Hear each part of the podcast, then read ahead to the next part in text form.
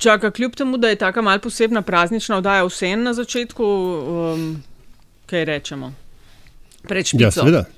Mislim, ravno zato, ker je praznična, ne? ker eni snemamo pod kotrom, drugi pod rjuho. Tretji pa ga žurajo v državnem zboru.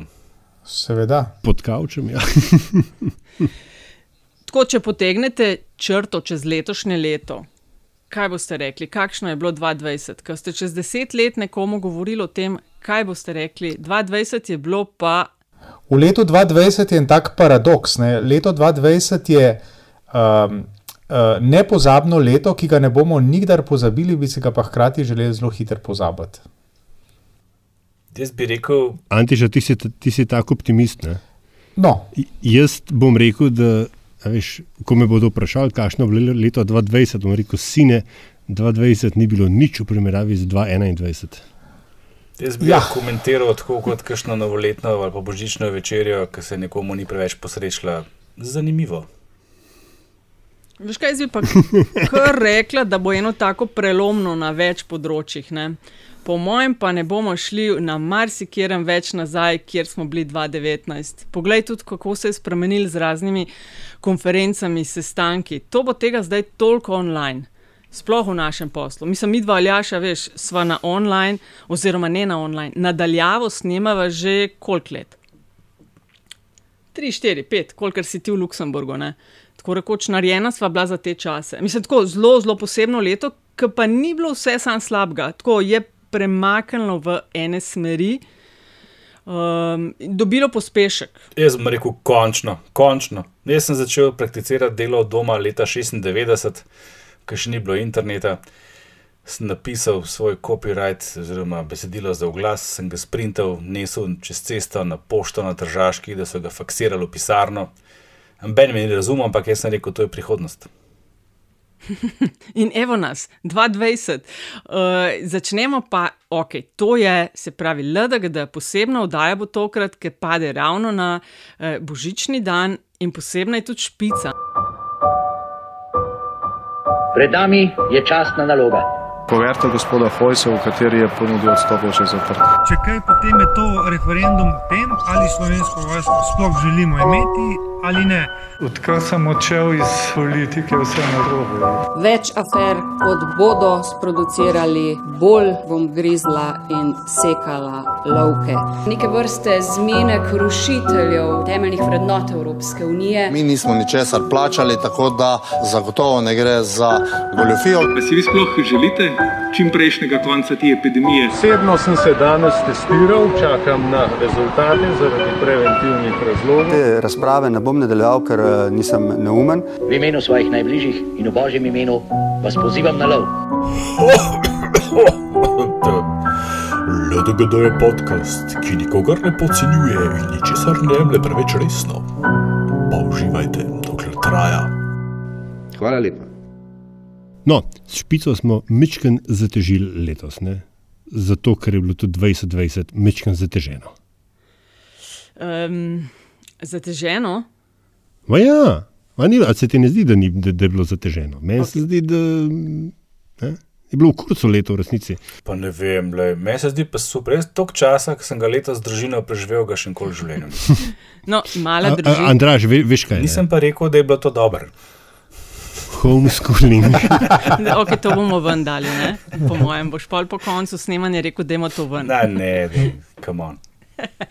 Joke. Ok, se pravi, z vami smo tako kot vsakič pri podkastu LDGD, Aljaš Pengovbiten, Radio Chaos, Antiša Korjan, Primorske novice, Andraž Zorko Valikon in Nataša Briški, Metina Lista in Aljaš. Božična oddaja, koncept imamo kakšen? Oskarjevski. Oskarjevski. Uh, tako, deli, delili bomo nazive, uh, izbirali najboljše od najslabšega in obratno. Um, imamo tudi nekaj novih kategorij, nekaj iz od, jih od lani do letos ni preživelo. Ne?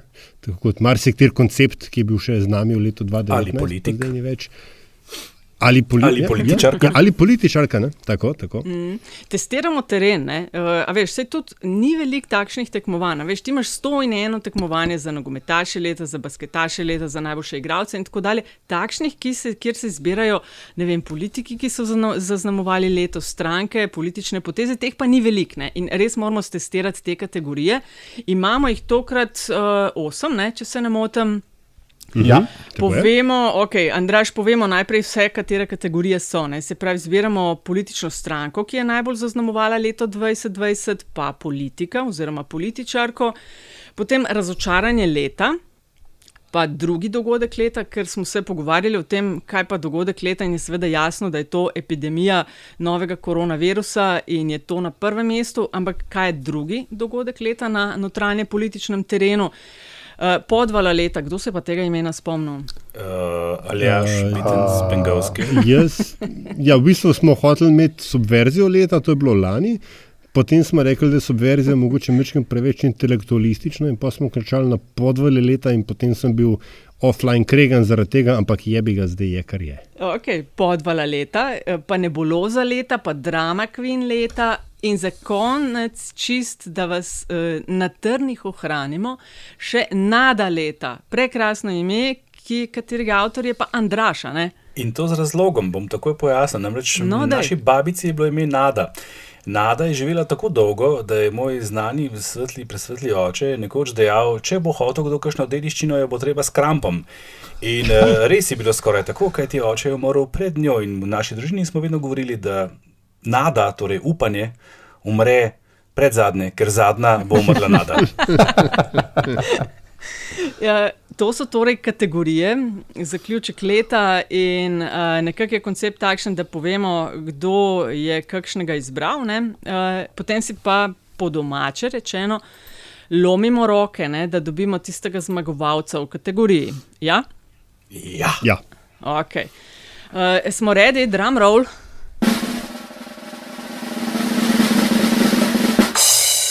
Uh, politična stranka leta, ne? se pravi, ok, to je ime, imamo že takoj mogoče kakšne pripombe, ampak politična stranka, ki je najbolj zaznamovala leto 2020, Andraš, Antiša, Aljaš in v bistvu Nataša v en glas SDS. Ne?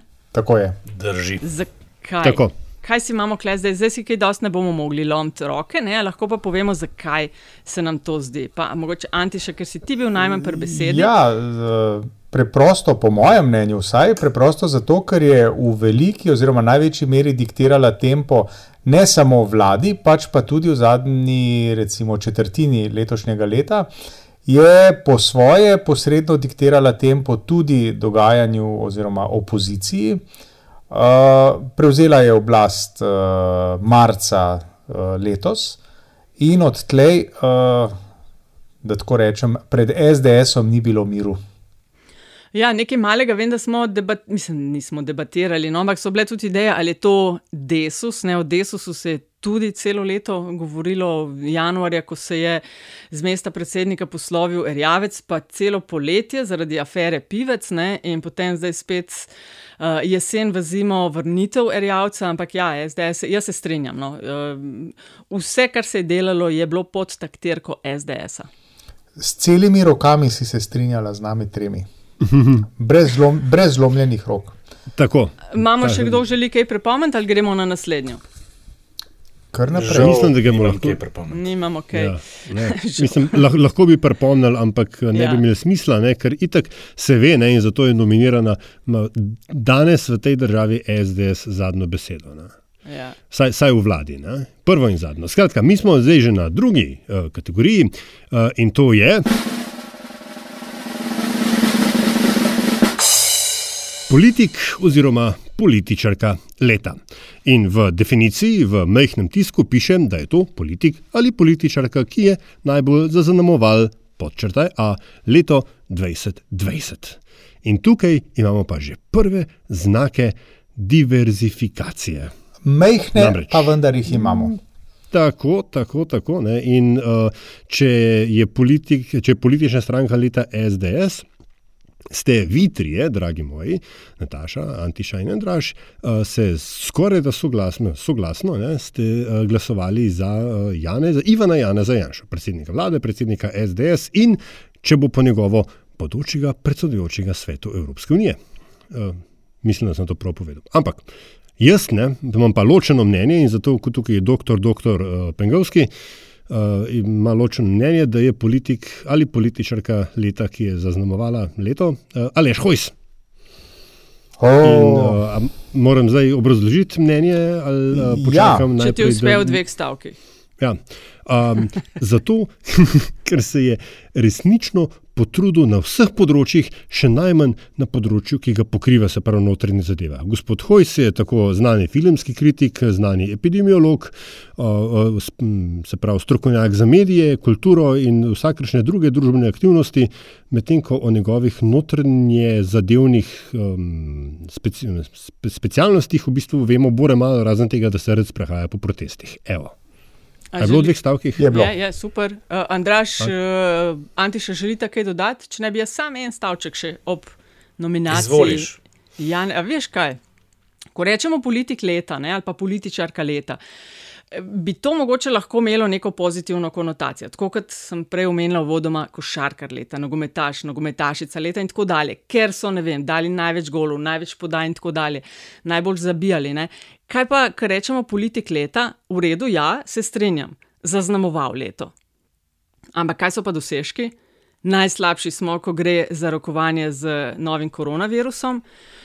rokovanje je rekel. Uh, performance na evropskem in svetovnem. A? Rokovanje je rekla.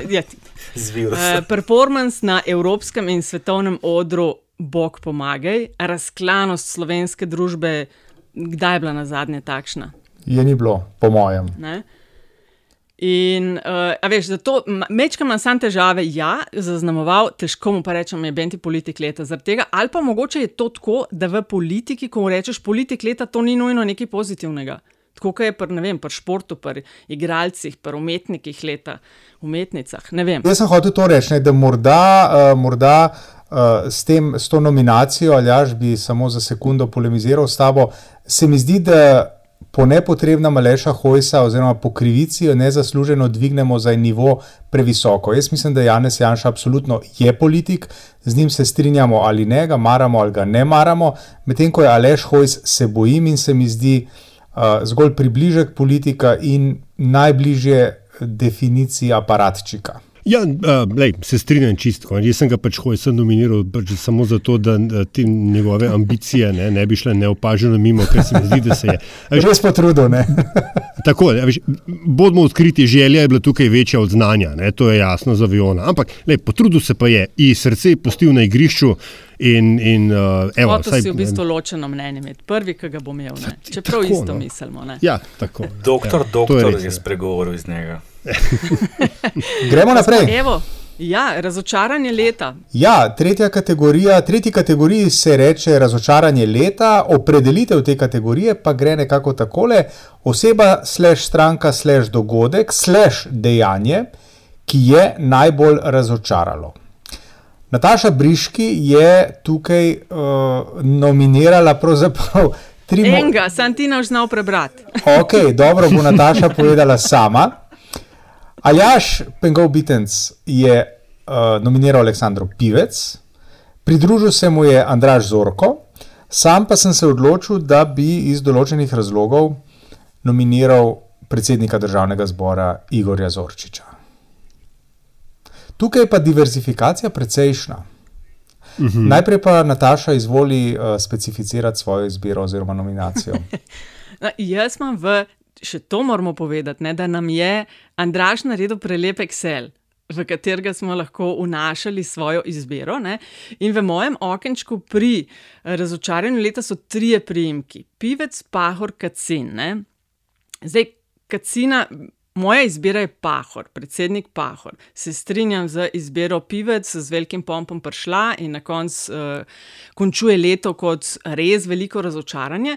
Se mi pa zdi, da ker je nekdo, ki je predvčerajšnjem prišel v politiko, pa včeraj nekaj malega naredil, da smo mogoče mal preveč pričakovali od nje, čeprav vem, da smo jo. Uh, lani nominirali in sicer ne vem, v katerih kategorijah, kot Uh, uplet bom ali nekaj poskočil, takšnega. uh, Rookie of the Year v kategoriji, ki danes Rookie. z razlogom ne ustaja več.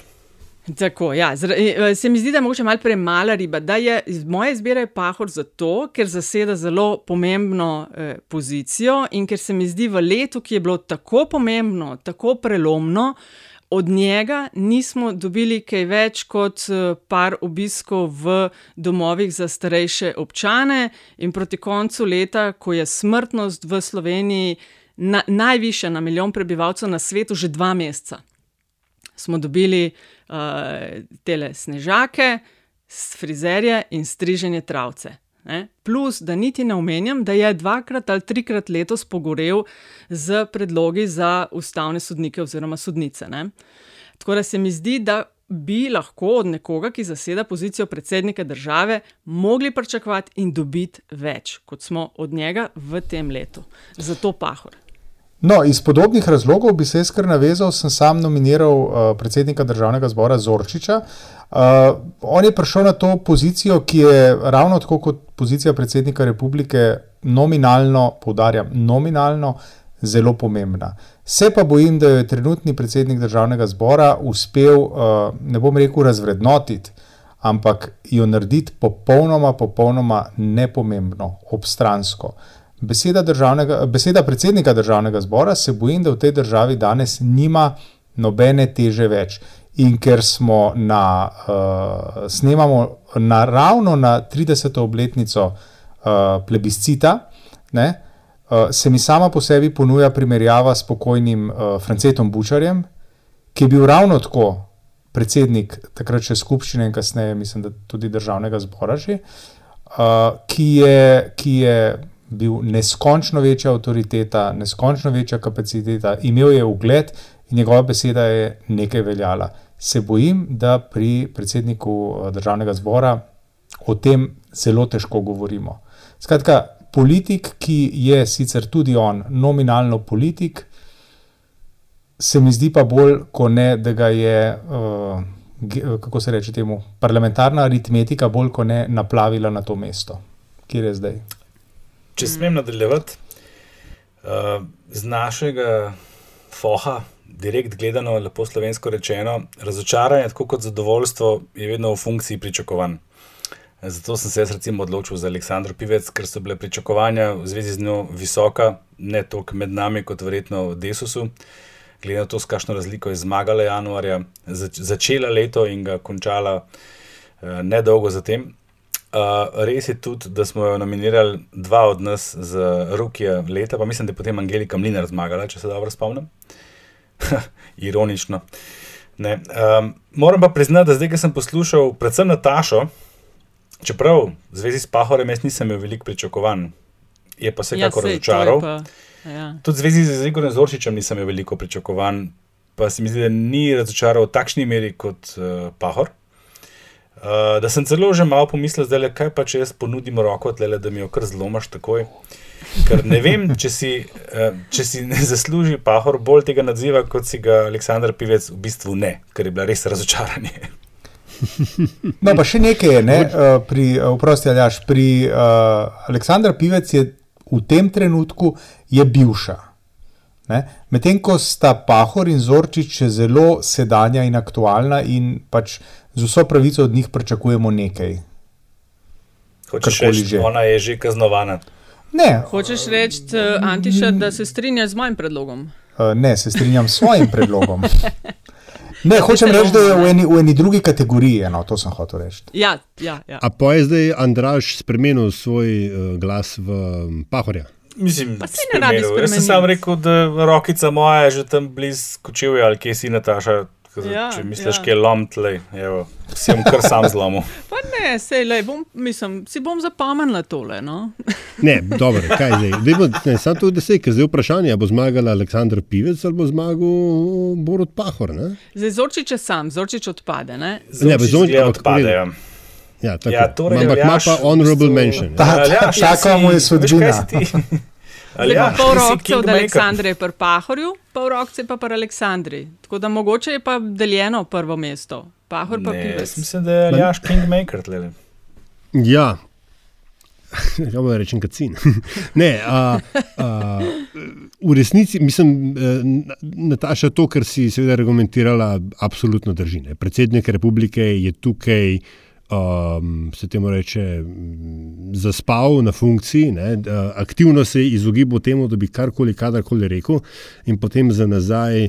Veliko krat uh, ljudi preprečeval ne, in retoširal svoje lastne nedejanja, češ, vse sem se veliko krat, ne, sem pogovoril, pa tudi ne, nekaj dal vedeti, kao, insinuiral, da se vi ne veste, vendar kaj se, kaj se v ozadju dogaja. Ne. Dejstvo pa pač je, da je predsednik republike stal na, na uh, obrobju, na, na robu igrišča, občasno nekaj ma, makal, mahal z ročicami, posegel pa ni takrat, ko je bilo zares za posež. Poleg vsega ostalega, kar si Nataša ti navedla, glede nominacij za ustavne sodnike in tako dalje. In recimo, ja, da ste me prepričali, da je razočaranje leta, predvsem zaradi tega, kakšno leto 2020 je bilo, da je to bolj Borod Pahor kot Aleksandra Pivec, ki pa mogoče bi se sam posul, ne, tukaj nas štiri ali pa vsaj sebe, ne, s pepelom, da je bi ga, ne, včasih tudi najboljši napovedovalci zgrešijo, kaj šele mi. Ne. In smo pri četrti kategoriji.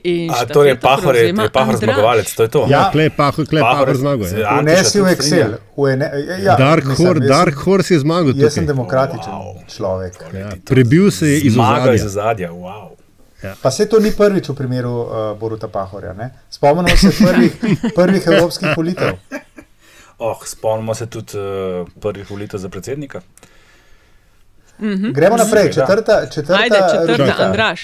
Ok, imam čas, da sem zadnji v teh nominacijah v prvem delu, v prvem polčasu in imam na mesto dogodka leta samo drugi dogodek leta, ker smo ugotovili, da dogodek leta je pač koronavirus in vse, kar je z njim povezano, ampak ker naša oddaja ni epidemiološka, niti zdravstvena in sploh enoh. Smo poudarili, da gre za ključni dogodek na notranjem političnem parketu, ki je zaznamoval leto 2020, razen epidemije. Zato se mu reče v navednicah drugi dogodek leta. In je hkrati prva kategorija, kjer imamo štiri skoraj da popolnoma različne predloge. Lomljenje rok naj se začne in sicer Nataša Briški predlaga z eno besedo protesti. Aljaš, Pengovski, Bitenc, Bitenc, Pengovski, tako ja, sorry. V redu je. Predlaga ne dogovor glede volilnega sistema in karkoli se utegne še zgoditi v zvezi s tem, je pa to ultra pomembno. Antiša je predlagal menjavo vlade spomladi, sam pa sem dodal k temu izgon in povratek Karla Rjavca. Povej še, kaj so bile druge, eh, drugi dogodki, ki smo jih nekako dali. Poleg uh, Erjavca smo dali odstop Šarčeve vlade, ne, pa eh, z afero z nabavami. Tako je. Pa še Povratek koalicijo Janeza KUL, ne? Janše. Tako. Epidemijo, ki smo jo izločili z konkurence, kot je Janez Janša in Aleša Hojsa iz Bizark. Afera z nabavami je bila tudi v oži konkurenci. Ja. Pa Pahor, ki je že zmagal, pa koalicija KUL se je tudi pojavila kot dogodek leta. Viš, upa, še naprej imamo tlele dogovarjanja, izstop Cerarja iz SMC. A ni zanimivo, ne, kako je veš, stvari, a tak- ne? razen ko korone. mi to Okay, Pejmo malo tekmovati, dajmo, ja, to ne. Pejmo malo tekmovati. Okay, jaz že vem, kjer ga lahko takoj od teh štirih uh, stran damo. Prosim. Če lahko. No, pa povej. Okay. Aljaža bi tako izločila, recimo. Ne? Jaz tudi. Eh, ne, je ful, absolutno se strinjam, ful pomembno, ampak ne bo še letos. eh, To tako odmevali. Ja, dogovor se je, ne dogovor zdaj, ampak posledice tega bodo dogodki leta ne vem, 21, 22, 23. Zato mislim, Ne. da, da je tvoj, ja, ful, ful pomembno, da ne bo pomoč. Hočeš reči, njegov čas še Ampak prihaja. preča, ja, ja, tako. V redu, ok, v redu. Boš nadaljevala? Z izločanjem? Um, ja, pa imam pa, pa, imam pa težavo, ne, čist. Se strinjam z vama obema. Uh, mogoče malo bolj menjava vlade spomladi uh, Antiša, ker to je res spremenil uh, vse vrste enačb. ne. Um, Rjavca še ne vemo, kaj bo. Ne? Za letos je pa bil velik dogodek. Jaz dajem proteste, a veš, zakaj sem dala proteste? Ne? Pred kakšnimi slabimi desetimi leti sem bila del ene koalicije pod imenom Za prostore svobode. Uh, takrat smo organizirali ene, uh, ne proteste, ampak zborovanja s ciljem spodbujanja aktivnega državljanstva. Ko si takrat, leta 2011, kliknil na Google aktivno državljanstvo, so vsi spraševali, še, kaj to sploh je. Ne? To je v naslednjih letih tak buzzword, kot ga imamo zdaj za deležniki. In v Sloveniji ne pomnim, kdaj smo imeli celo leto, tako rekoč od februarja dalje, vsak petek, hkrati blazno kreativne in blazno bi rekla na mestu proteste. Ne tole, kar se skuša zapakirati proti Janšu in podobno, ampak kar se je dogajalo, je bilo vredno protestov. Celo leto, vsak petek. Uh, ne moreš reči, da so bili nasilni, bilo je novembrska epizoda, ki pa ni imela veze s tem. Ne, so bili pa celo leto. Čeprav se strinjam, evo, menjava vlade spomladi, da je bila tako verjetno večja. Jaz bi se izval, prosti ali jaš, moram nujno vskočiti. Ja. Izval bi te v dveh točkah. Prva je ta, da protesti niso imeli nobenega rezultata, druga je pa ta, da niso trajali celo leto, ampak samo takrat, ko je bilo toplo. Uh, Pa še tako, ko gledam zdaj te predloge naše na listu napisane, pa če so že res midva, pa ne mantiša tudi, ker izključila ali jažoga nonšalantno, je v bistvu menjava vlade posledica enega od dela tega, kar sem jaz predlagal, se pravi pregona, izgona Karla Rjavca. Ker če bi Karl Rjavec ostal predsednik, se to ne bi zgodilo. Torej, je to začimo začetek tega, je pa res, da je menjava vlada tista, ki je bila ključna za vse spremembe, ki so sledile. Protesti so bili pa na nek način posledica menjave vlade. Tako da zdaj, ko gledam tako ampak se pogovarjamo, se jaz v bistvu bolj nagibam k antišvemu predlogu, da je to menjava vlada tisti dogodek, ki je res zaznamoval to leto. To pa si moramo priznati. Se, ne, absolutno se strinjam. Protesti pa so, veš, Andraš, vsak petek. Toplo, mrzlo, ja, ja, na različne ja, ja, načine. Okay, okay, jemljem nazaj, se upravičujem vsem, ki ustrajajo. Jaz bi sam tukaj dodal nekaj drugega. Um, prvič, vse to, kar je Andraš rekel, ampak protesti niso dogodek, je serija dogodkov. Ne? Mi smo pa pač tukaj govorili o definiciji, je bil kar ena stvar, ne pač nek, mm -hmm. neka pivotna točka. In se strinjam, je z, z vsem, kar si rekla. Ja, ja, Mimo grede um, na tisto 2.11 stvar imam zelo lepe spomine, ker sem jaz, jaz in Miša Mok sva bila skupaj na odru. Ja, ja. In sva takrat vodila in je bilo super. Um, ampak uh, kot enkraten dogodek, ki je spremenil, da rečem, potek ne, časovnice oziroma časovne premice, mislim, da menjava vlade je tisto, kar. Okoli katerega se celo leto. Se strinjam, se strinjam, ampak to mi pa drugič prej povej. Ne? Prej me opozori na to napakico, ne? da nisem videl. Sem rekel, to si me zdaj užival. Ja, ne, Nataša, Nataša uh, bi, pa, bi pa jaz pritegnil tebi, ne? Se bom za en trenutek sam s sabo ne strinjal. Uh, ne, ne, Miha je zbinjši. Ja, ne, veste zakaj? Zaradi tega, ker se mi zdijo protesti se mi zdijo pomembni z vidika artikuliranja alternative družbene. Uh, se mi zdijo zelo pomembni kot proces. Ampak v, bi rekel, v jeziku real politike so pa neprimerljivi s tem, kar se je zgodilo 12. ali 13. marca. 13. marca. 13. Ne, marca. So pa, so pa nedvomno pomembni, tako kot sem rekel, uh, v smislu tem pač artikuliranja alternative, zahtev, idej in tako naprej, so dragoceni in so pomembni. Ja, ja. Ne, ne, dogodek leta, se, jaz se strinjam, evo, res. Pa še nekaj vlade, ker je to za sabo vse potegnil. Kar je bilo spočeto 13. marca, bi bilo v človeškem organizmu danes te dni zrahlo zamudo rojeno in lahko opazujemo to s takimi drugačnimi čustvi. Jaz se spomnim tega rojstva, pa, pa sestre, ki je rekla: Poglejte, taka je kot vi, se je kot tole, zdrizasto, vijolčasto, sluzasto, da je meni podobno. In glavno, jaz mislim, da je tole, kar se je rodilo po devetih mesecih tam tam.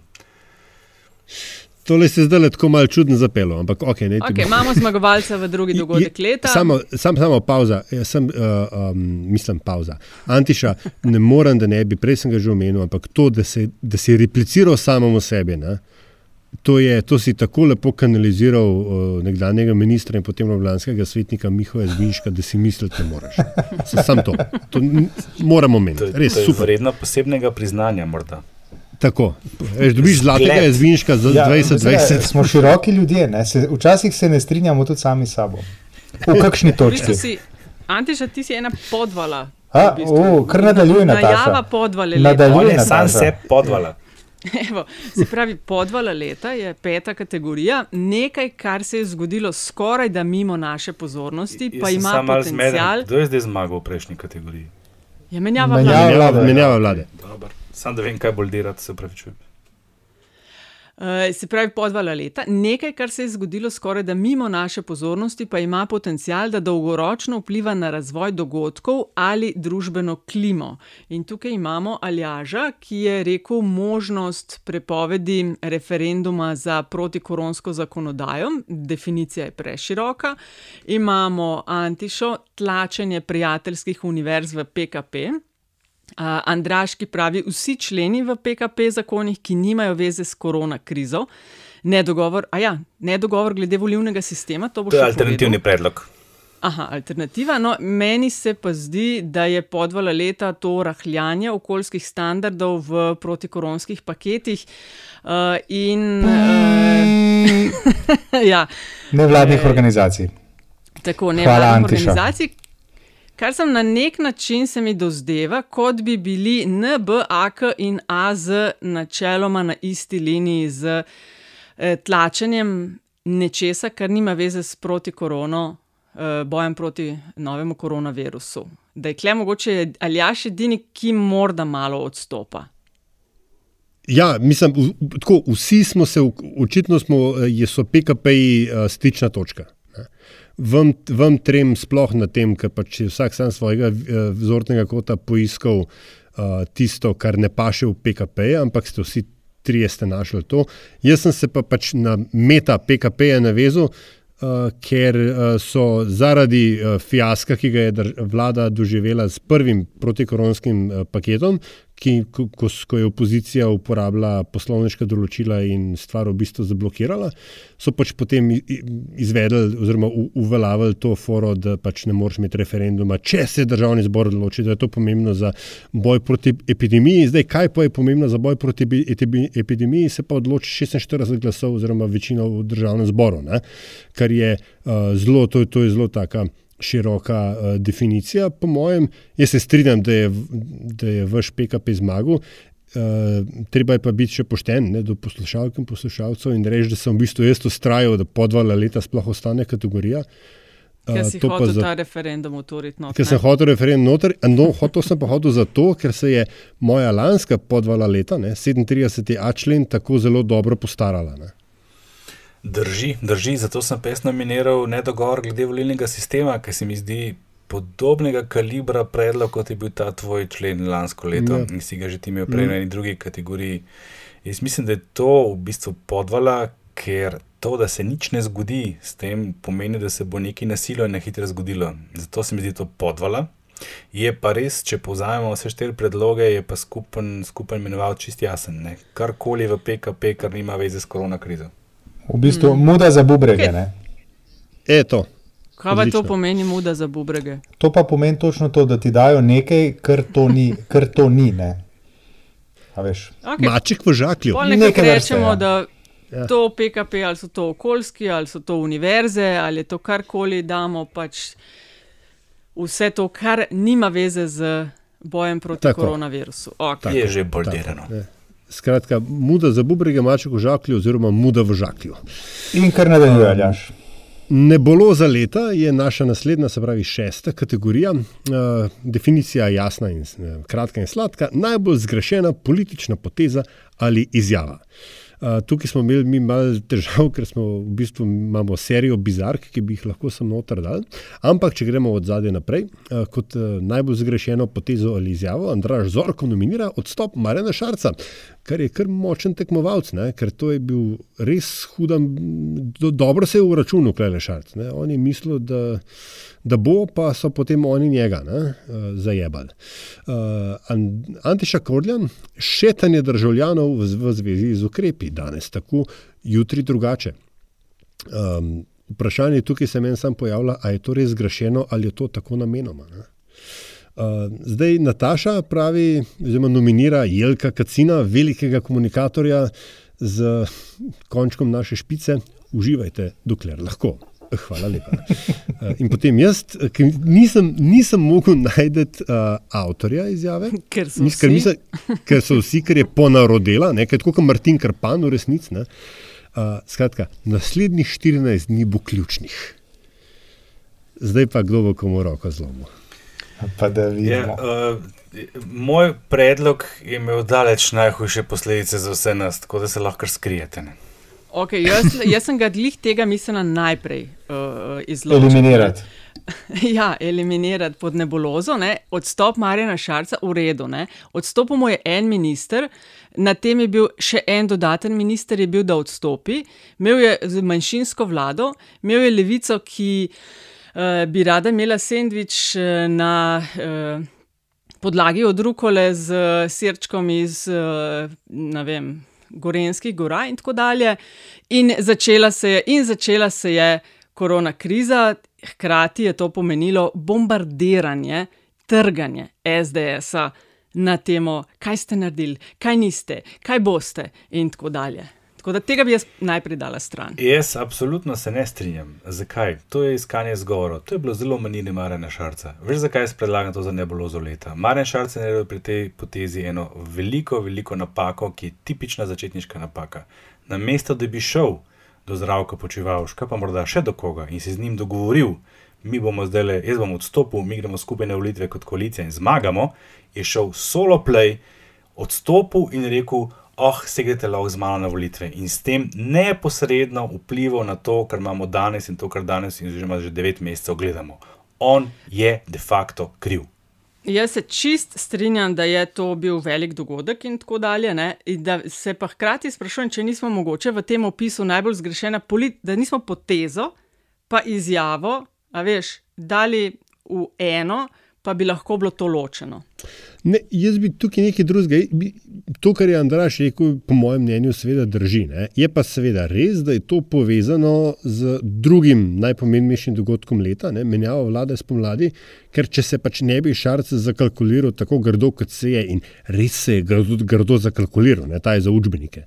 Uh, pač ne bi prišlo do menjave vlade, tako da veš, mogoče sam iz naslova, um, vsi drugačni, vsi enakopravni, ne, da, da ne bi temu polu v, skupnem seštevku dal vendarle pa prevelike teže, ker se mi zdi, da uh, so ostale ravno tako pomembne. Veš, e, ene so pa ponarodile, veš, kac- kacinov. Uh, uživajte, dokler lahko je v bistvu pooseblja oziroma postavčuje vse to, kar Kacin danes predstavlja, ne? Ne- neko dvoličnost in aroganco in vehemenco v komunikaciji proti koronskih ukrepov, takrat, ko in šetanje državljanov v zvezi s temi ukrepi. Tukaj so v bistvu tri izjave, od moja, tvoja in od Antiša, so vezane na to reševanje ne, eh, proti. Uh, mislim, korona krize. ne. Ja, v bistvu Šetanje, s- naslednjih 14 dni, tak- tako. kacin, to je eno in isto. V resnici, ja. ne. So, veš, ampak to so po mojem mnenju ene take izjave, ki niso imele res hudih posledic. No, mislim, ja, no, ali pa so. Ja, ne, Pa se, šteka, Andraž, smo- veš, Ja, vem, nebulo, veš, nebuloze, so, nebuloze so po definiciji Ja.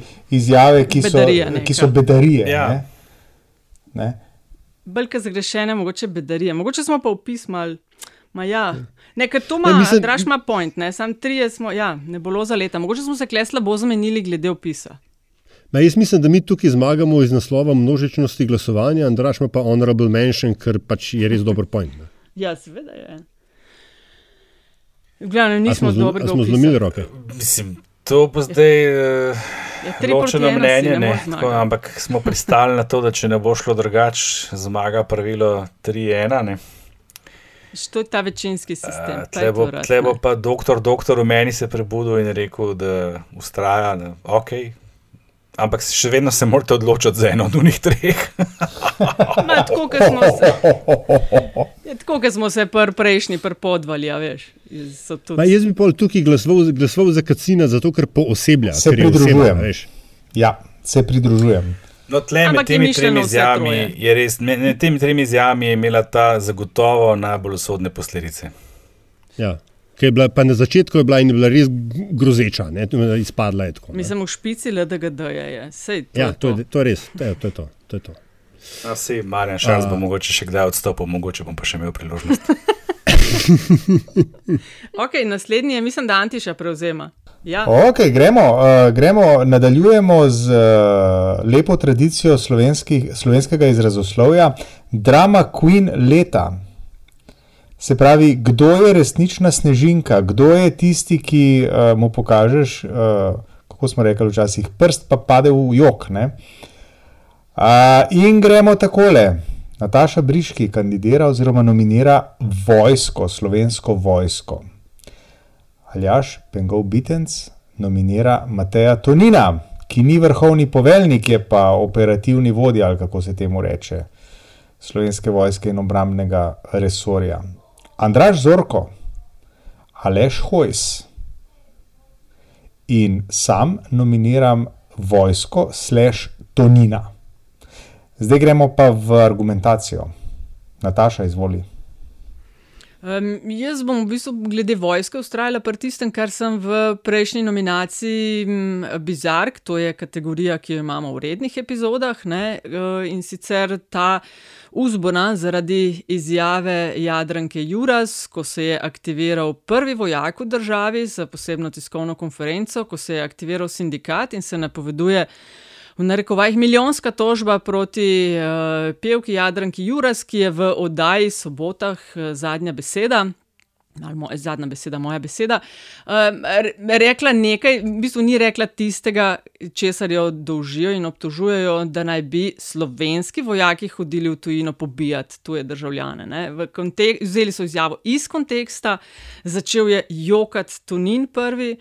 Uh, in celotna vojska. In se mi zdi, da bi vse to lahko rešili z eno uh, kratko izjavo, kjer bi povedali, kje so. Uh, vojaki vse prisotni, kaj so naredili dobrega, kaj počnejo, in bi bila zgodba zaključena. Ne? To, kar se je naredilo iz nič, iz muhe takšnega slona, pa na koncu bodo seveda oni poraženci.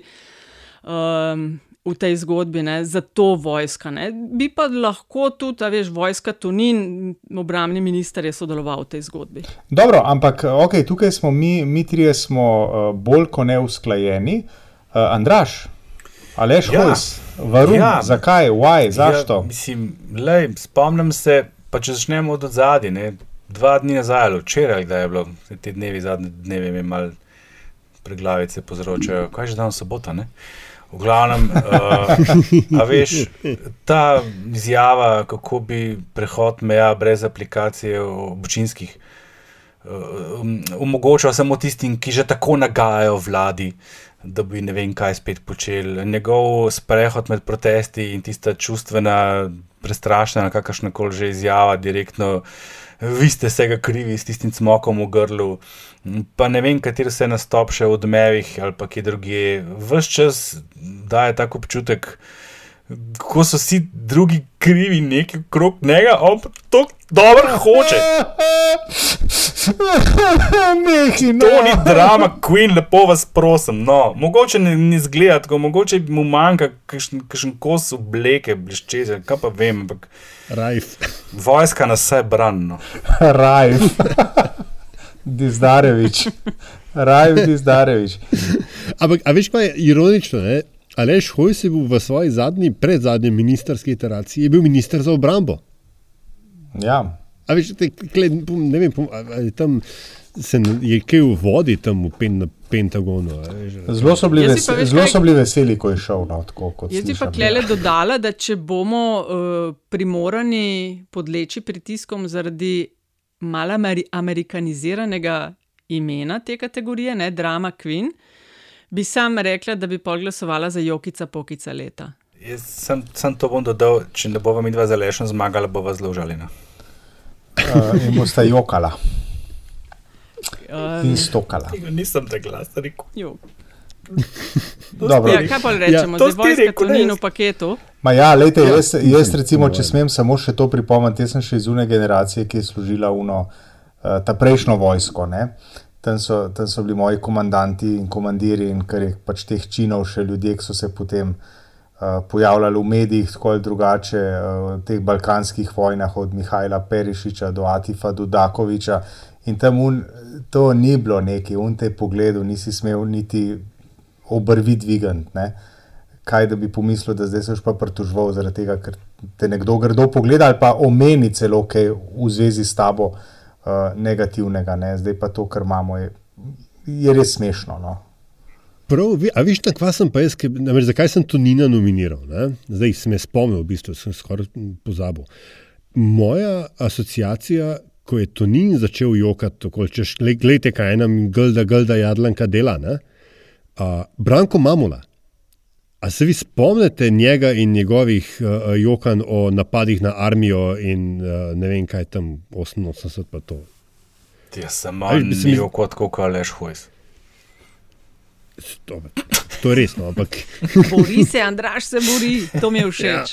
Ne, mislim, Ampak, a a veš, to ko sem- smo pred očmi tisti izraz na obrazu, ki je tako, vedno, vedno je tako iskreno prepričan, da je on vse naredil, kar more in da je vse prav in da je to vse samo zato, ker mu eni nagajajo. Tako, povedano so- drugače. Grdi. Povedano drugače, sam dober sem hotel, na tole imam pa v zahvalo. Ja, točno to. Meni se on Ne. sicer mal žleht zdi, zdi za to. Ne, a veš kaj, prehojso je po mojem nekaj drugega. On ne gre za to, da bi njega njemu zdaj nagajali. Gre za to, da gospodarju nagajajo. A veš, kako so to grdi, da, da šefu nagajajo. On mora kle šefa brant in bogi šef. In, in, in Aleš se kle trud in mater in kako ljudi ne vidi, da ima on tega šefa res rad. In ne pozabimo, predvsem skupaj še vrhunsko drama Queensko potezo leta. Odstop. Skratka, kdo vendar. spreminja? Ja, ja, ja, Odsto- ja. Ja, Odstop, lej, on je nepreklicno odstopil in se je pustil prepričati na to in en način, da pravzaprav ni nepreklicno odstopil. In še danes ne ve, ali je odstopil ali ni. In kaj pravzaprav on tle je. In kdo je on pravzaprav? A je on sploh tle? On, je, on je tak, š- kako se temu reče, Šredinger je v hojs, ne? Veš, hkrati je in ni odstopil. Skratka, bo kdo spremenil svoj glas ali smo pr uh, vojska Tunin, vojska Tunin versus Aleš Hojs? Jaz moram Zdaj, povedati, meni- ja, jaz moram zdaj Ja. tako pod vtisom oziroma vplivom Andraževe um, argumentacije, bi mogoče se nagibal počasi v to smer, da mu pritegnem, Andražu namreč, ne Hojsu. Um, s čimer bi pa verjetno povzročil kakšno težavo, namreč pa smo pa 2-2, ne. Ja, jaz bom, lej, ne visilka v meni mi ne da, da bi gledala to nežno vojsko, tako da jaz bom ustrajala pri vojski. Je pa se pa tudi strinjam z vsem, kar je. Demo, kaj, pa, kaj pa če re, A kaj ti pa si če pol re, na pol v ti, bistvu ne, vprašal. ne, uh, Ne, poslušajte, imam nikoli. odličen konstruktiven predlog. Ne? Kot vemo, in vojska in policija predstavljata kaj? Predstavljata represivni, Represivni represivni aparat države. Kaj pa če za uh, Snežinkico, ali kako smo rekli, Drama Queen leta nominiramo oziroma razglasimo represivni aparat te države? A veš, da kle, do, do dobro. te točke bi bil ful za, ampak klepo čist, čist resno, po mojem, pa da ne, zato ker ne glede na to, kaj Aleš Hojs je in kaj on predstavlja, bi pa eh, jaz vendarle se mi zdi, da gre pa um, pohvaliti in ločiti delo policije in policistov na terenu in tudi više manje Ja. ja. pač višjih struktur policije, ki se mi zdijo vopče, ne, vendarle dovolj profesionalne, da znajo ločiti med dnevno politiko in pač varnostnimi nalogami za zaščito življenja in premoženja. Ne. A, tako da, sorry, če sem kle zdaj mal. Uh, Ne, meni je še en. Spomnil si me zdaj, ali ja, spomnil si me še na en primer, nedavni, ko je policijski sindikat najavil policijsko stavko in zopet reakcija Aleža Hojsa. Aleš Hojs je. Bomo pa mislim, plače objavili. on- Pokazal bom plače, Ja, ja, ja. kakšne imate, pa boste videli. Boste videli. Meni, To ja, ni rojen meni drama on sam malo bolj žleht deluje. Bolj žleht, kot on iskreno verjame, da, da, da, da ga ne marajo. No. On, on je Jaz pa mislim, da je na prizadet. On je- misiji in on dela, kar mu šefe reče. da je On, jaz mislim, da je on potrčko. Bogi, Marko. Um, ampak, a, a lahko, a, kaj, pa, kaj pa, če mi rečemo, vendarle, ker smo na predzadnji kategoriji, ne, pa da damo tukaj vendarle dvojno, no, pač um, podelimo na dva konca, da rečemo deljeno prvo mesto, vojska in Aleš Hojs, ne, uh, ker ima Andraš res, res dober point, ne, pa enkrat pa mogoče, mogoče pa vendarle lahko uh, um, podelimo takole, ker se, mi- a veš, te, te naše uh, nominacije so tako kot smuk ali pa super G, ne, samo en tek je, a veš, ni, ni pol To je repesal. pa tako, kot Tina Maze, pa Mišel Gizin v Sočiju. Tako, tako, tako. Vidiš, hvala. Sam vprašanje, kje je kjer tle v teh dveh. Ali jaš ti nisi nikoli tekmoval, kaj tako bolj profesionalno, ne? razen zdaj na stara leta? Ja, Ha? mislim, Te vsi zmagati, pa vsi medalje dobiti, pa vsi priznanje. A, ni še videl, da še ni odločeno tole. Aha, aha. Je, je, le, Malo te seveda se provocira, strinjam Nataša, z deljenjem. Mislim, jaz bi gladko, seveda, lej. Uh, gladko bi pod drama Queen leta dala tudi premijeja, ne? ne mine nastop, da ne bi joko, kako ga vsi napadajo, on pa dela, dela, dela. Ne? Ampak to pa je nas. načrtno, to, mislim, to pa, to pa Ma, ni, to pa ni klej jok pa stok, to je pa klej, je pa zabavanje v živ mozak. Ne. Mm. Jaz bi sam še to dodal. Če bi bila vojska pametna, bi Jadranka Juras rekla: Jadranka, prid ti z našim orkestrom eno od pet. Si pa zato... definitivno si hoj zasluži, veš zakaj že? Ker to pri vojski bo en primerček v letu. Točno ne. to sem hotel povedati. Uh, Hojs je pa imel serijo, ampak se pravi, meni se on dozdeva ne toliko Serijo kot je drama. Queen, bolj kot. Veš, ti, A veš. ti, on, je, on je konsistentna drama queen, on ni, on ni drama queen enodnevnica, on je evrovizijska drama queen, ki pride, odpoje, se vsi zjoka, pa gre. On je skos na odru. Vojska je imela pač en incident, bomo rekli temu, ali pa kaj pa vem, je imela drama queenski Ja, ja, spad, ja. ampak je bil en, a veš, hojs jih ima pa kar na redni bazi, za devet mesecev. Hočeš reči, da je vojska pa Matej Tonin sta ne, duo platin, medtem ko je Aleš Hojs je pa končita vrst. Uh, tole je bilo pa hermetično, tole je bilo pa hermetično. Ampak jaz mislim, da je smiseln aljaš tvoj predlog, da so podelimo, oziroma kako se reče, da podelimo dve nagradi. Gremo naprej na Ah, zadnjo dobre, kategorijo, predlagam. Mislim, da je Andraš tisti, ki, Vidiš, Aleš pa se ki je pri besedi. Zdaj samo vprašanje, kjer, kjer od teh dveh bo šla pol. prva medalja. Veš, tako kot takrat v Sočiju, ki je ruski napovedovalec najprej povabil na oder, eh, mislim na zmagovalni oder Tino Maze in zadnji za njo Mišel Gizinč izgrožena. Z- Ko pa ona, ko pa jaz, mislim, jaz sem tudi prva, ko, zakaj sem jaz zdaj druga. tle? Vse je bila Mišel, ne? Ja. Vse je bila, ne? Slovanska transverzala. Ja, ja, ta je bila veza, jasna. je. Ja, ja. da ne govorimo o natančnosti ur, ki so merile zadevo. Zadnja kategorija, kakšna posebna čast, poimenovana skoraj da po moji babici, nenadhiljivi nadi, nada leta. Oseba ali dejanje, ki vzbuja upanje, da še ni vse izgubljeno. Namreč, ko smo pogledali celotno tabelo, smo ugotovili, da tole ni dobro, da so same neke negativne stvari in da ne delamo s tem nič drugega kot to, kar smo sami zanj kritizirali. Namreč, da prispevamo k temu, da bo nezaupanje v politični sistem še manjše, niže kot je bilo. Zato smo dodali še to kategorijo, da vendarle najdemo nekaj, ki vzbu, kar vzbuja upanje, kar je nada za našo prihodnost.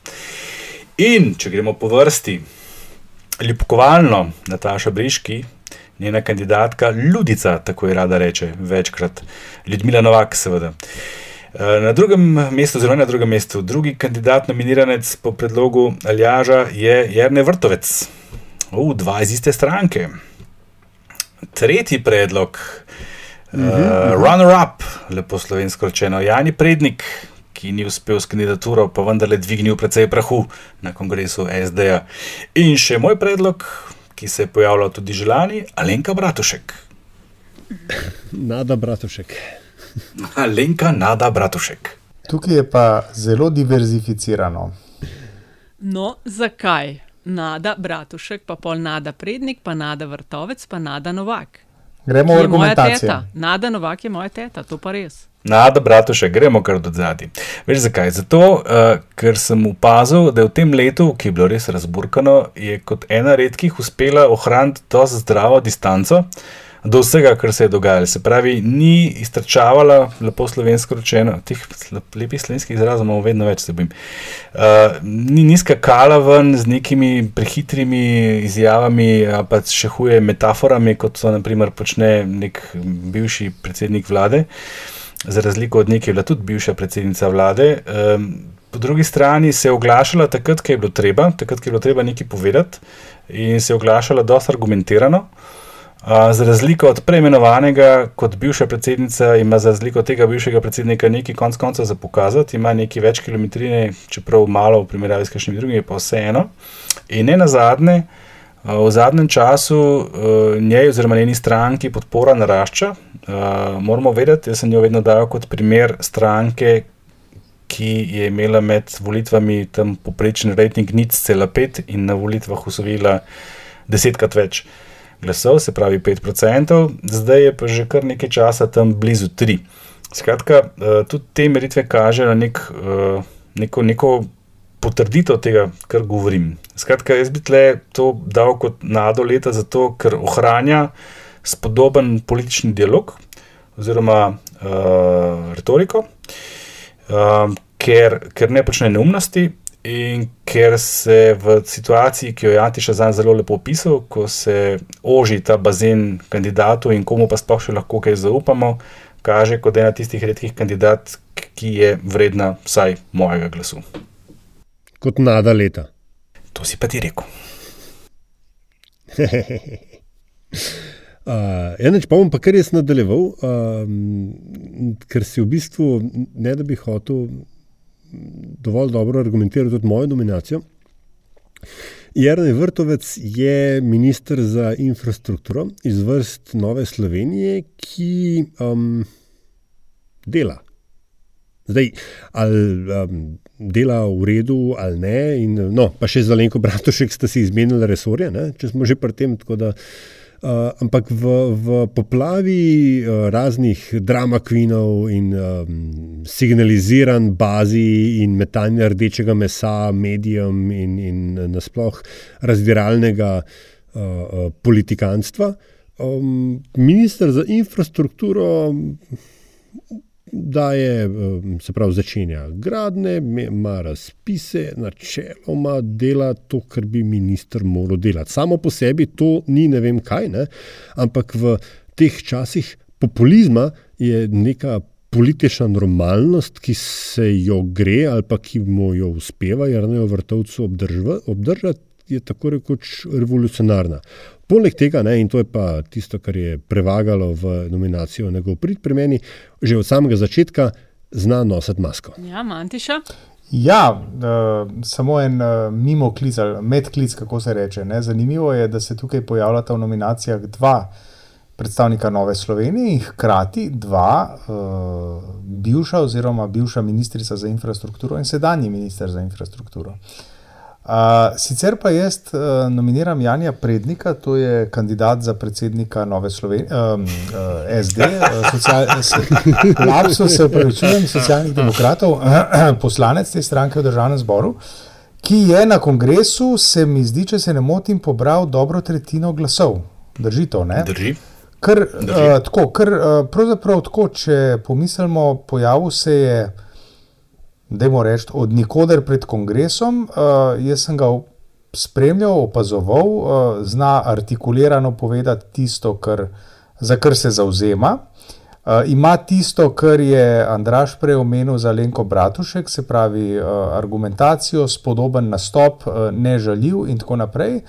Uh, in je uh, predstavnik uh, tega, kar je po drugi strani pa Jrnej Vrtovec, uh, Eh, se pravi, nove, nove garde v politiki. Uh, zdaj, ali bo iz njega postal polnokrvni politik, ki bo čez 15-20 let, morda ali pa še kaj prej, uh, zauzel ključne pozicije v tej državi, bomo še videli. Ne?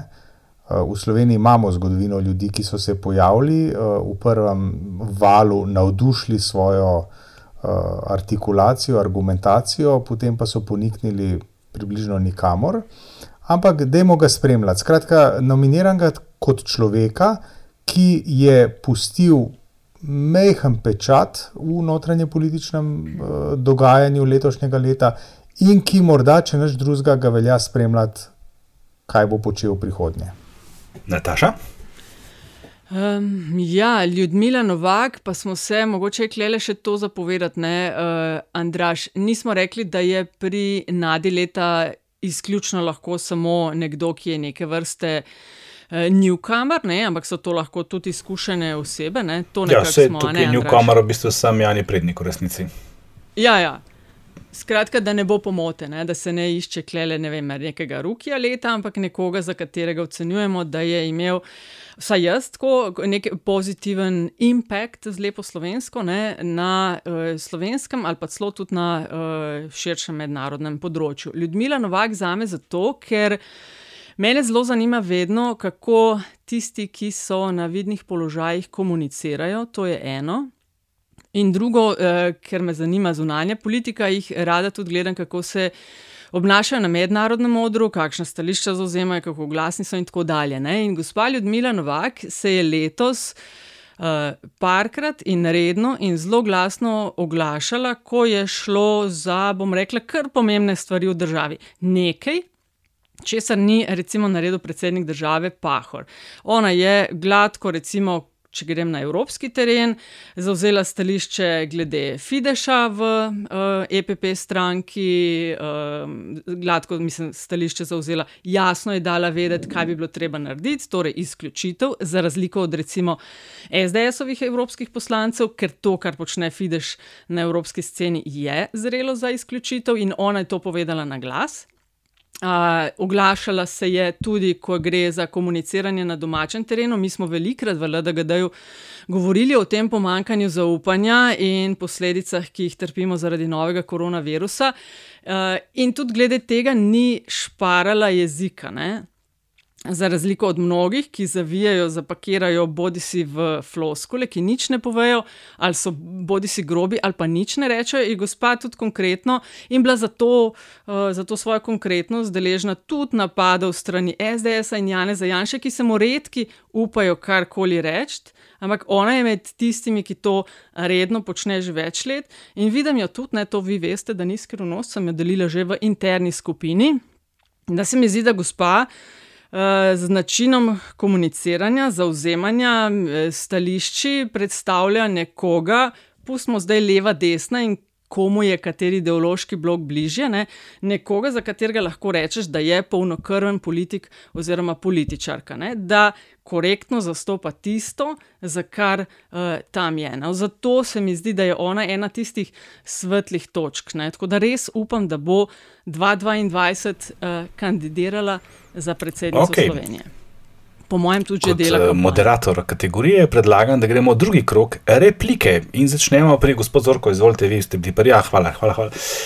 Um, replika, jaz bi uh, repliciral predvsem na predlog uh, Antiše. Uh, Jani Prednik se mi zdi sicer čisto redo li, legitimen kandidat, pa vendarle smo. Še malo premalo videli, po mojem, z njegove strani, da bi se mu upal reči kar tako, da je nada leta. Vsekakor je pozitiven premik, spodbudno, ni dobil volitev, ampak nisem pa še nič tazga pri njemu drugega videl. Moram priznati, da ne predtem, ne potem nisem veliko slišal o njemu, uh, ko sem sedel v kongresu.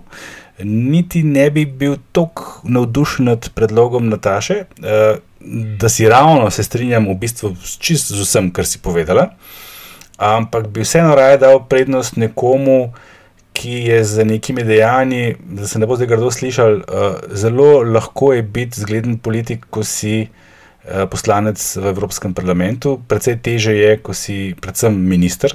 Ali pa bivši minister, bivši predsednik vlade, pa ki si del tega sistema tukaj, ne da je ona prej delovala, ki je slabše. Vseeno, jaz bi med temi tremi, ki niso moja kandidatka, pa zdaj, ki vidim, da imamo zgled, da sta lahko tudi dva, uh, se absolutno strinjajo s predlogom Zrneja Vrtovca, pa Vrtovca, pa aj, Vrtovec, Vrtovec, pa ustrajal, pa, pa ustrajal seveda pri, pri, pri Alenki Bratušek. Antiža, a ja, pardon, ja, replika. Ja. A ne, kar izvoli. Ne, ne, ni, ni replike, a želi čakati. Ne, sem šel, da sem se imel še en krok po vrsti, kot smo šli. Aha, najboljši, ja, izvoli, Antiša. Ja, hvala, uh, predsedujoči, hvala lepa. Jaz bi, če uh, bi moral podeliti uh, glas nekomu drugemu, ne, ki ni uh, Jani Prednik, bi to storil uh, podobno temu, kar je naredil uh, Andraš, in bi uh, dal svoj glas Jrneju Vrtovcu, ki dela nekaj oprijemljivega, ne, to se pravi prepovedal bo prepo, uh, prehitevanje tovornjakov na avtocesti, pa mislim, da bo zdaj neko zavijanje na desno ali nekaj podobnega, da bo možno v križiščih. Skratka, nekaj, kar, kar je oprijemljivo in zaradi česar ljudje za odtenek boljše živimo. Aljaš? Pol, pol sem jaz, uh, jaz se v bistvu se mi zdi, da to, kar je Antiš, uh, prosti, kar je Andraš rekel, da so nekakšni minusi pri nominaciji uh, uh, Ljudmila Novak, v bistvu veljajo tudi za, za Alenko Bratušek. Ne? Namreč uh, obe uh, gospe sta že dolgo časa z nami. In uh, se mi zdi, da je to, veš, um, Ljubili Novaka pa Lenke Bratošek, da na do leta tako nekako dajo potem, ko si 8 do 10 let v žurnalizmu, pa ti dajo nagrado za mladega novinarja. E, vidiš, kle smo pri tistem, kar sem jaz omenjala. Ne? Ker rečemo, na do leta je prva asociacija nekdo, ki ga do včeraj nismo poznali. Ne, ne, ne, ne, ne, ne, ne, ne, ne, ne, ne, on govori o tem, koliko je še potencijala, oziroma prihodnosti pred njim v smislu, kaj lahko še Tako, naredi. a veš, govorim ti o, o, o, o A veš, Alenka Bratušek v resnici je bila pač nada leta, leta 2013, ne, takrat, ko je, ko je z njeno vlado in ostalimi inštitucijami države potegnila to državo z roba prepada, pač defaulta, se pravi, kaj je to, bankrota. Ne. Žal, Alenka Bratušek od takrat naprej v življenju ne more nič več narediti. Ona lahko veliko naredi, ampak nič ne bo tako monumentalnega kot tisto, kar je naredila takrat. In se strinjam, da je ona lahko nek stabilizacijski faktor, ima veliko izkušenj, ima v pogled in tako dalje, ampak se mi zdi, da ona ni več nada leta, ona je lahko siva eminenca leta, če, ne, če bi imeli to kategorijo. Ne. Tako da jaz bi klep prej vendarle pol mogoče dal, če bi moral za nekoga drugega glasovati po eliminaciji, mi ostane tukaj Jani Prednik. Ne. Pa ne zato, ker bi mislil, da je ne vem, koliko močna. Uh, uh, ja, nisi, ja, nisi, no, Andraš, no. počakaj. Ne, veš, ne zato, ker bi bil neko mo močen kandidat, ne, ampak uh, enostavno zato, ker je nekdo, ki lahko svojo zgodbo še napiše. No. Nataša. E, evo, vidiš, pa smo, je nekdo, ki lahko zgodbo še napiše, ne? pa smo pri nada leta. Uh, jaz bom tako rekla.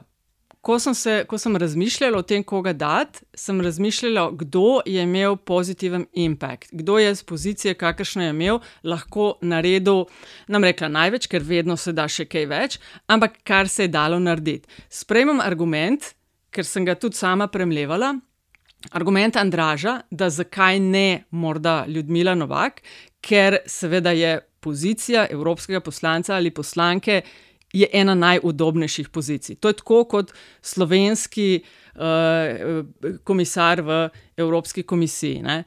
18. decembra rata, 19. decembra je drugi najpopularnejši na lestvici priljubljenosti. Ne? To je udobna pozicija, lahko govoriš, daleč stran si, to vse razumem. Še vseeno se mi zdi, da jih imamo tam, jih imamo osem, ne sedem jih točno tega ni delal, ali pa vsaj ne v takšni meri. Ne.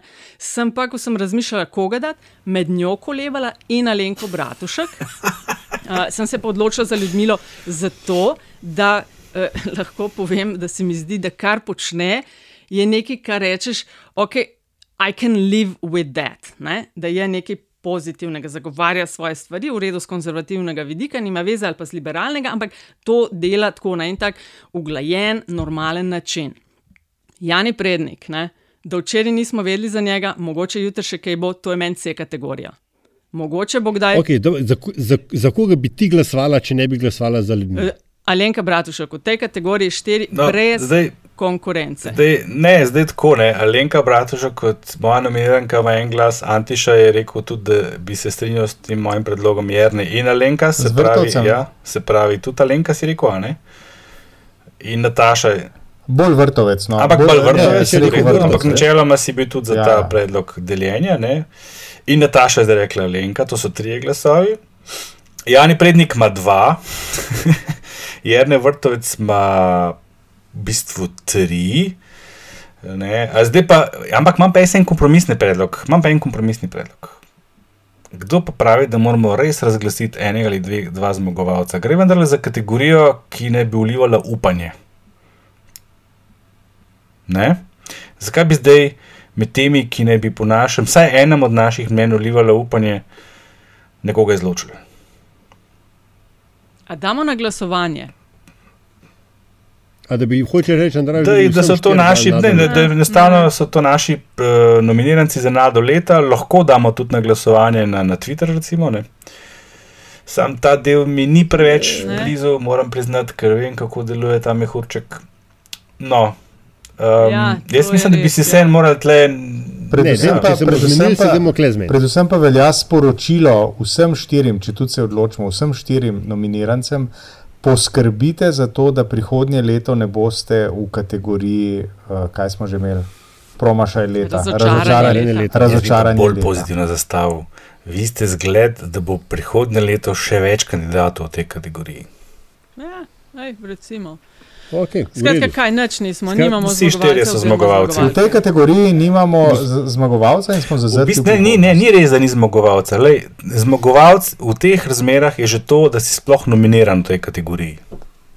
To je res. To je res. To je res. Pa še lepo je uravnoteženo po spolu, tako da demo. demo Sem tako. to In po starosti. dodati, ja, da smo zelo evropski. Vse je prav, po vse je. Pa še prav. dva leva, pa dva desna, pa lej. Pa pisem, lahko še kaj lepše. Kaj bi se Kot da bi se zmenili vnaprej. Dajmo ponoviti, evo, Okej. dajmo ponoviti še vse enkrat. eh, Arhivar se z pravi- besedo na plano. Ja, se pravi, politična stranka, ki je najbolj zaznamovala leto 2020, uh, smo se odločili SDS, politik ali političarka, ki je najbolj zaznamovala letošnje leto, smo se nekako strinjali, da Janez Janša. Razočaranje leta, torej oseba, stranka, dogodek, ki je najbolj razočaralo. Uh, a, to je bila pa lepa borba, ne? Lepo sem zborila, priznajte. Ja, pa dej, seveda si, povej, ne, ne, Ja, ne. zdaj se misliš hvaliti. A, predsednik Pahor. Predsednik Pahor, no zdaj pa ti nadaljuj, Aljaš. Ja, kaj pa, Ne, čemu tu pa so mislim, drugo- moramo, imamo uradnega, imamo uradnega arhivarja in če so merilca, tako da doktor, doktor Zorko, izvolite. To je bil, temu je bil namenjen prej moj smeh, ampak ne bom razlagal, zakaj Antiša ve, da se meni reče arhivar. Naj to ostane skrito v javnosti. Drugi dogodek leta, menjava vlade spomladi, Antišov predlog, podvala leta, verjetno kategorija z najboljšim imenom leta. Vsi členi v PKP zakonih, ki nimajo veze s korona krizo. Ne bilo za leta po trdem lomljenju rok, res sem se boril, Marjan, boril sem se. Kacin, uživajte, dokler lahko. Še hujša borba se mi zdi, da je bila pri Drama Queenu leta, kjer sta zmagala vojska in Alešica Hojs. V kategoriji nada leta pa smo na koncu ugotovili, da je zmagovalec vsak, ki je sploh lahko nominiran v tej kategoriji. Zato so zmagali Ljudmila Novak, Jarne Vrtovec, Jan Prednik, eh, Jani Prednik in pa Lenka Bratušek. In to je bila Love Actually, drugi del. LDGD, actually. Part D. Če imate kakšne pripombe, kje kategorije bi nujno morali, recimo za naslednje leto, ali pa kje križati, črtati, česa ne, ne, pa to nam lahko seveda na Twitterju tudi sporočite. Hashtag je LDGD, sicer pa pod Afna Pengovski, Afna Andrazus, Afna Antisa Korljan in Afna DC43. V 2021 pa želimo, povejte kaj. Uh, Kaj pišete na čestitke? Razen srečnega, pa veselega, pa upam, da noben več ne piše tistega, ki je že čist mem debelga ali kva se je že eno obdobje pisal. Uh, ne, mislim, da je treba tukaj, um, vsaj kar se mene tiče, ne, uh, zaključiti z zadnjim stavkom Martina Krpana. Pa zdravi ostanite, je rekel Martin. Uh, srečno hodi, pravi cesar. Ministr Gregor pa nič. Jaz smo končali? čakam še na to. bo kaj rekel, če ne bom pa jaz povedal, kaj bi napisal na čestitko, kje se je zdaj nisem No, povej, ne. napisal. Pred, pred leti No, sem se povej. poigral, kva, veš, tiste novoletne čestitke v firmi. In smo se pošalali, in smo, mislim, da je bilo leta ne vem, 2011, pa, sem, pa smo napisali na čestitko srečno 2013. In So si mislili, da je napaka, pa smo pa razlagali, da v bistvu ni bila napaka, ampak da smo rekli, da naslednje leto ne more biti tako boljš, kot je 2011 bilo za nič. Um, Psi pa nisem mislil, da bo že tako kmalo lahko to spet rekel, pa bi zdaj napisal srečno 2024, kar je leto po, po prispevku iz Guardiana, ko ne bi bilo končno spet se vsaj približno normalno. Torej, srečno 2024. Kako bomo stari takrat? In se pridružujem najboljšim željam uh, znan človek, ki ne mara čestitanja v taki ali drugačni obliki, kar verjetno ve marsikdo, ampak se pridružujem najboljšim, najboljšim željam za, ma ne 2024, da mo reči 2021. No. Ne bo bolje, kot je bilo 2020, pa bo že veliko. Ti, Antiš, ampak ena stvar pa je dobra, ne s tem, če je kaj lahko dobrega od koronavirusa. Ker vem, da imaš to zelo rad, ne pol te voščila, pa objemanja. Uh, obožujem, pa ja. Ne? Ja, ne, dobro tega leto ni, 2021. tega ne? Tega ne bo. In, in da se spet družimo na frekvenci LDGD-ja. ne. Začnemo takoj po novem letu in vam res uh, kličemo hvala za družbo, hvala vsem za, za širanje naših epizod, uh, za pohvale in kritike, če želite. Nam lahko pa tudi pišete s predlogi na infoafnametina.si. Imamo še dve pismi uh, naših bralcev, poslušalcev, bomo odgovarjali na to takoj v naslednji redni epizodi, ko se vrnejo tudi politbizarke leta. Podelitev tega bo planiramo na junija, ne? in ko se vrnejo tudi eh, zadnjih 30. Do takrat, srečno, še naprej.